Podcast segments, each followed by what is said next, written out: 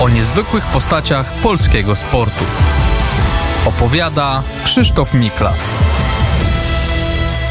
Sponsorem audycji jest grupa PZU. Witam Państwa. Ten odcinek w cyklu opowieści o niezwykłych polskich sportowcach chcę poświęcić dwóm bohaterom, Markowi Petrusewiczowi i Andrzejowi Kłopotowskiemu. Pływakom, którzy byli rówieśnikami. Dzielił ich tylko rok. Osiągali sukcesy w stylu klasycznym, ale ich losy i charaktery były zdecydowanie różne, choć naprawdę niezwykłe. Rozpocznę od nieco starszego Marka Petrusewicza, który urodził się w 1934 roku. Podczas okupacji jego ojca Stanisława rozstrzelali Niemcy, po wojnie z matką Zofią znalazł się we Wrocławiu. Być może brak ojca sprawił, że był chłopcem niesfornym, nawet krnąbrnym, często wagarował, a na wagarach ciągnęło go na pływalnię po niemiecki zakład kąpielowy z 25-metrowym basenem. Szybko nauczył się pływać, a trener Józef Makowski też szybko dostrzegł nim wielki talent. Nauki jednak do końca nie nie zaniedbał, bowiem skończył bez problemów technikum elektrotechniczne. Trener uznał, że największe szanse Petrusewicz ma w stylu klasycznym, popularnej żabce i robił postępy wprost niewiarygodne. Uwielbiał pływać w pełni zanurzony pod wodą, co było szybszym sposobem na pokonywanie dystansu. Całą długość 25-metrowego basenu, a po nawrocie jeszcze dodatkowo pół długości pływał w ten właśnie sposób. Znakomity był też w stylu motylkowym, ale to żabka przyniosła mu największe sukcesy. Gdy zbliżały się 18 urodziny, po raz pierwszy poprawił rekord Polski na 100 metrów żabką. Potem jeszcze rekordy Polski w żabce i w motylku poprawiał 18 razy. A 18 października 1953 roku na swojej ulubionej wrocławskiej pływalni poprawił rekord świata na 100 metrów żabką, uzyskał czas minuta 10 i 9 sekundy. Radość była tym większa, że poprzedni rekord należał do pływaka ze Związku Sowieckiego Minaszkina. Po jakimś czasie Rosjanin poprawił jednak rekord Petrusewicza, ale ten odpowiedział kolejnym rekordem. Minuta 9 i 8 sekundy. Na Mistrzostwach Europy i Igrzyskach Olimpijskich rozgrywano wówczas wyścigi stylem klasycznym tylko na jednym dystansie na 200 metrów, ale i na tym dystansie szło Petrusewiczowi nieźle. Pojechał na Mistrzostwo Europy do Turynu, gdzie zdobył srebrny medal. Przegrał tylko z Bodingerem z NRD. Był pierwszym polskim pływakiem, który miał w dorobku i rekord świata, i medal Mistrzostw Europy. Inna sprawa, że Międzynarodowa Federacja Pływacka zabroniła od tamtego czasu zbyt długiego płynięcia pod wodą. Po pierwszych ruchach rąk głowa miała być już nad wodą. Petrusewiczowi wytrącono, wytrącono więc rok niezwykły atut. Tymczasem w Polsce pojawił się inny świetny żabkarz, Andrzej Kłopotowski. A w życiu Marka Petrusewicza zaczęły się spore zmiany. Ożenił się z koleżanką z pływalni, śliczną Haliną Dzikówną, z którą miał córkę Danutę. Długo mieszkali w Ostrowcu Świętokrzyskim, a potem w Szczecinie, startując w klubie Arkonia. W marcu 58 roku Arkonia pojechała na zawody do Rostoku, a po tych niby przyjacielskich zawodach rozpętała się wielka burza. Petrusewicza oskarżono o to, że podczas bankietu zgwałcił córkę burmistrza, co było wyssaną i z enerdowskiego palca bierutną bzdurą. Ale polskie władze dały temu wiarę i dożywotnio zdyskwalifikowały Petrusewicza. Pływakom zarzucono też, że przemycali towary luksusowe, a tym luksusem była kawa. Nie wykluczono, że miało to wpływ na małżeński kryzys, który zakończył się rozwodą. Drugą żoną Petrusewicza była jego szkolna miłość, znakomita piosenkarka, dziennikarka, pisarka Joanna Rawik, dobrze znana słuchaczom Radia Wnet. To małżeństwo nie przetrwało jednak nawet roku. Petrusewicz był niestety postacią tragiczną. Pojawiła się u niego choroba Bürgera, która sprawiła, że po jakimś czasie amputowano mu jedną nogę. Był jednak człowiekiem szalenie ambitnym, co sprawiło, że skończył na Wrocławskim Uniwersytecie studia prawnicze. Gdy przyszedł czas Solidarności, mocno zaangażował się w tę działalność, był jednym z najbliższych współpracowników Kornela Morawieckiego, a gdy Jaruzelski prowadził stan wojenny, swoim ciałem, podpierając się kulą, bronił przed zumowcami dostępu do siedziby Dolnośląskiego Regionu Solidarności.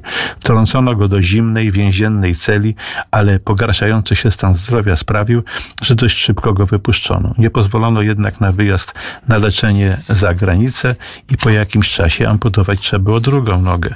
Opuszczony umarł w zapomnieniu w październiku 1992 roku. Drugi z bohaterów tej opowieści to rywal, ale i przyjaciel Petrusewicza, rok niego młodszy, rok od niego młodszy Andrzej Kłopotowski, który na Igrzyskach w Rzymie w roku 1960 jako pierwszy polski pływak popłynął w olimpijskim finale. Był siódmy na dystansie 200 metrów żabką. Jedynym wówczas, ciągle jedynym dystansie rozgrywanym na tym stylem na igrzyskach. Kilkanaście lat temu miałem okazję długo z nim rozmawiać w jego mazurskim domu w Karwiku na Mazurach, o którym, jak mówił, marzył przez całe życie. Uwielbiał bowiem żeglować, wędkować i polować, ale to marzenie mógł zrealizować dopiero po przejściu na emeryturę i po latach wielkich zawodowych sukcesów. Jak większość ludzi z jego pokolenia, dzieciństwo miał niełatwe, momentami cierniste, traumatyczne, choć zdarzały się też chwile radosne, ale te radosne tylko do wybuchu wojny. Miał wtedy ledwie 4 lata. Ojca Czesława właściwie nie pamiętał. Ojciec był oficerem Wojska Polskiego, absolwentem Politechniki Warszawskiej, jednym z budowniczych Centralnego Ośrodka Przemysłowego, a potem do wybuchu wojny dyrektorem zakładów zbrojeniowych w Skarżysku. Mieli piękne mieszkanie w Warszawie, powodziło im się oczywiście bardzo dobrze, ale nadszedł tragiczny wrzesień i Czesław Kłopotowski dostał rozkaz wyjazdu w całej rządowej kolumnie przez Zaleszczyki do Rumunii i dalej na zachód. Władysława Kłopotowska z czteroletnim Jędrusiem, trzyletnią Wandzią też wybrała się tym szlakiem, prowadziła auto, ale gdy pod Lwowem skończyła się benzyna, samochód stał się bezużyteczny. W efekcie wróciła z dziećmi do Warszawy. Ich mieszkanie było już jednak zajęte przez Niemców. Wyjechała więc z nami, opowiadał Andrzej Kłopotowski, do mojego ojca chrzestnego, Stanisława Rzewuskiego i w jego dworku w Woli Sławińskiej pod Lublinem spędziliśmy prawie całą okupację. W majątku był też browar, do którego często przychodzili niemieccy żołnierze i po prostu się upijali. Często się zdarzało, że ja wówczas dziewięciolatek i mój o siedem lat starszy kuzyn podkradaliśmy Niemcom naboje, które były dostarczane partyzantom. Kuzyn, kuzyn był już wtedy w partyzance gdy wybuchło powstanie warszawskie, razem ze swoim oddziałem poszedł na pomoc powstańcom. Nie doszli. Niemcy ich wytropili. Wszyscy zginęli w zasadce pod Jużą. Dużo opływałem, wspominał, gdy mieliśmy okazję do bardzo długiej rozmowy w Karwiku. Po dwa, trzy kilometry dziennie. Najpierw w Ostrowcu, gdzie po wojnie spędziliśmy jakiś czas i gdzie wypatrzył mnie trener Kieryś, a po kilku latach, kiedy wróciłem z mamą i siostrą do Warszawy i poszedłem do liceum Batorego i zacząłem trenować wsparcie. Moim trenerem od początku do końca kariery był wspaniały facet, Tadeusz Dzięgielewski, podczas wojny żołnierz Armii Krajowej. W latach stalinowskich nie mógł oficjalnie dostać pracy. Jego przyjaciele zatrudniali go pod cudzym nazwiskiem. Andrzej Kłopotowski, jak większość pływaków, preferował kraul, który wydawał mu się najbardziej męski, ale przypadek rządził, że przerzucił się na styl klasyczny. To znakomita żabkarka, Irena Milnikiel, później lekarz chirurg, poprawiła rekord polski na 200 metrów, klasykiem uzyskując 3 minuty 16 sekund. Zacząłem troszkę żartować, wspominał tę chwilę Kłopotowski, usłyszałem, jak jesteś taki dobry, to popłyń szybciej. Założyliśmy się o 10 zł za każdą sekundę. Wolniej płacę ja, szybciej płaci Irena.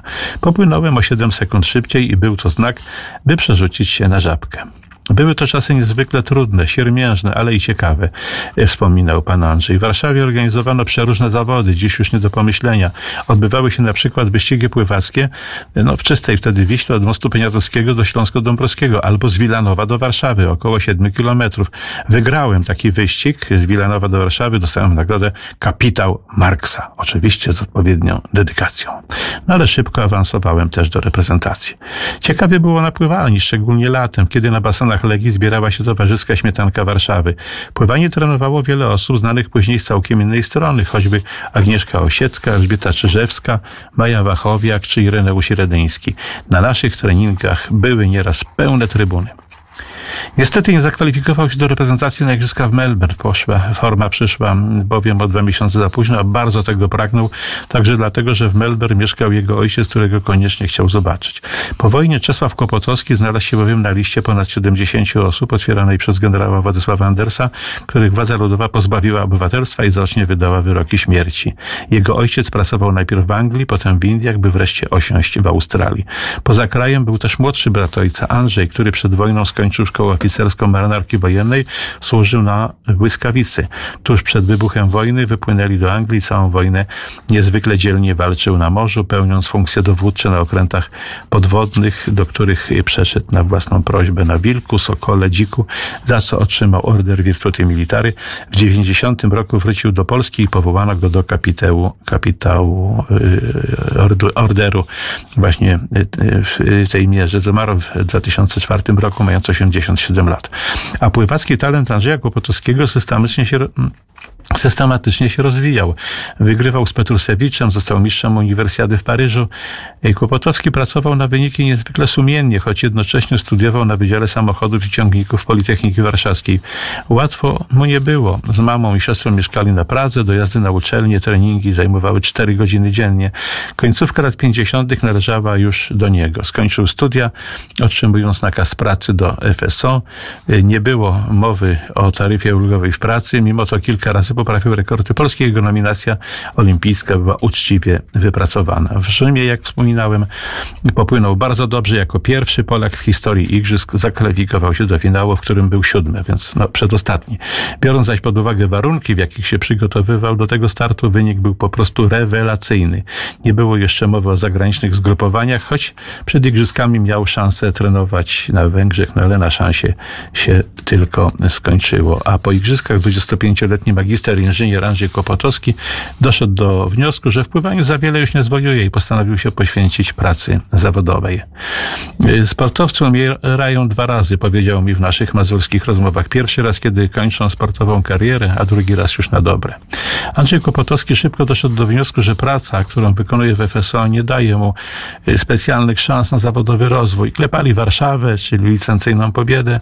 Jego zaś najbardziej interesował nie sam proces produkcyjny, ale jego organizacja, także tworzywa sztuczne, które wydawało mu się materiałem bardzo przyszłościowym.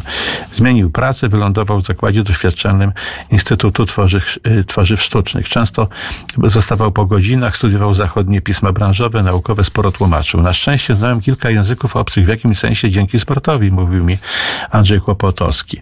Coraz bogatsza wiedza sprawiła, że sypały się nowe propozycje. Został głównym technologiem, następnie dyrektorem technicznym zakładów tworzyw sztucznych na Służewcu. Cztery piąte produkcji szło na eksport, co było wynikiem niespotykanym w tamtym czasie. Interesował się ergonomią.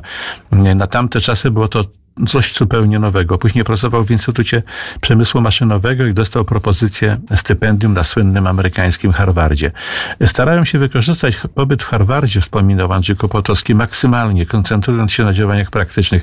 I to dało określone efekty, bowiem przy uruchamianiu produkcji kombajnu Bizon doprowadziliśmy do strat zbieranego zboża na poziomie 1,5%, gdy wcześniej Wistula traciła 7% w skali kraju. Były to oczywiście potężne oszczędności. Następnie dostał propozycję z ONZ-u objęcia funkcji dyrektora projektu w Bangladeszu, kraju bardzo biednego, ale z olbrzymim potencjałem, wieloma bardzo dobrze wykształconymi ludźmi, co niektórych może dziwi. Potem był w Nigerii, znów w podobnej roli. Miał częste kontakty z hinduskim generałem, który też przyjechał do Nigerii jako konsultant ONZ-u. W Hindus zwierzył się kiedyś panu Andrzejowi. Przejmowałem kiedyś pod Kalkutą fabrykę zbrojeniową od Polaka, który też się nazywał Klopotowski. Ceslaw miał na imię. Może pan nie uwierzy, odparł Kłopotowski temu generałowi z Indii, ale to mój ojciec. Wojenna zawierucha sprawiła, że nie wrócił do Polski. Mieszkał w Australii, gdzie też zajmował się przemysłem zbrojeniowym.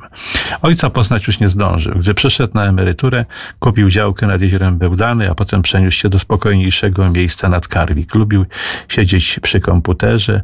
Był jednym z pierwszych Polaków, który stworzył stronę internetową, dzięki której można było Karwiku sporo się dowiedzieć, działał na różnych polach. Zmarł nagle 12 lutego 2011 roku, mając niespełna 76 lat.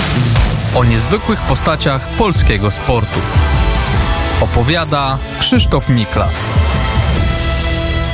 Sponsorem audycji jest grupa PZU.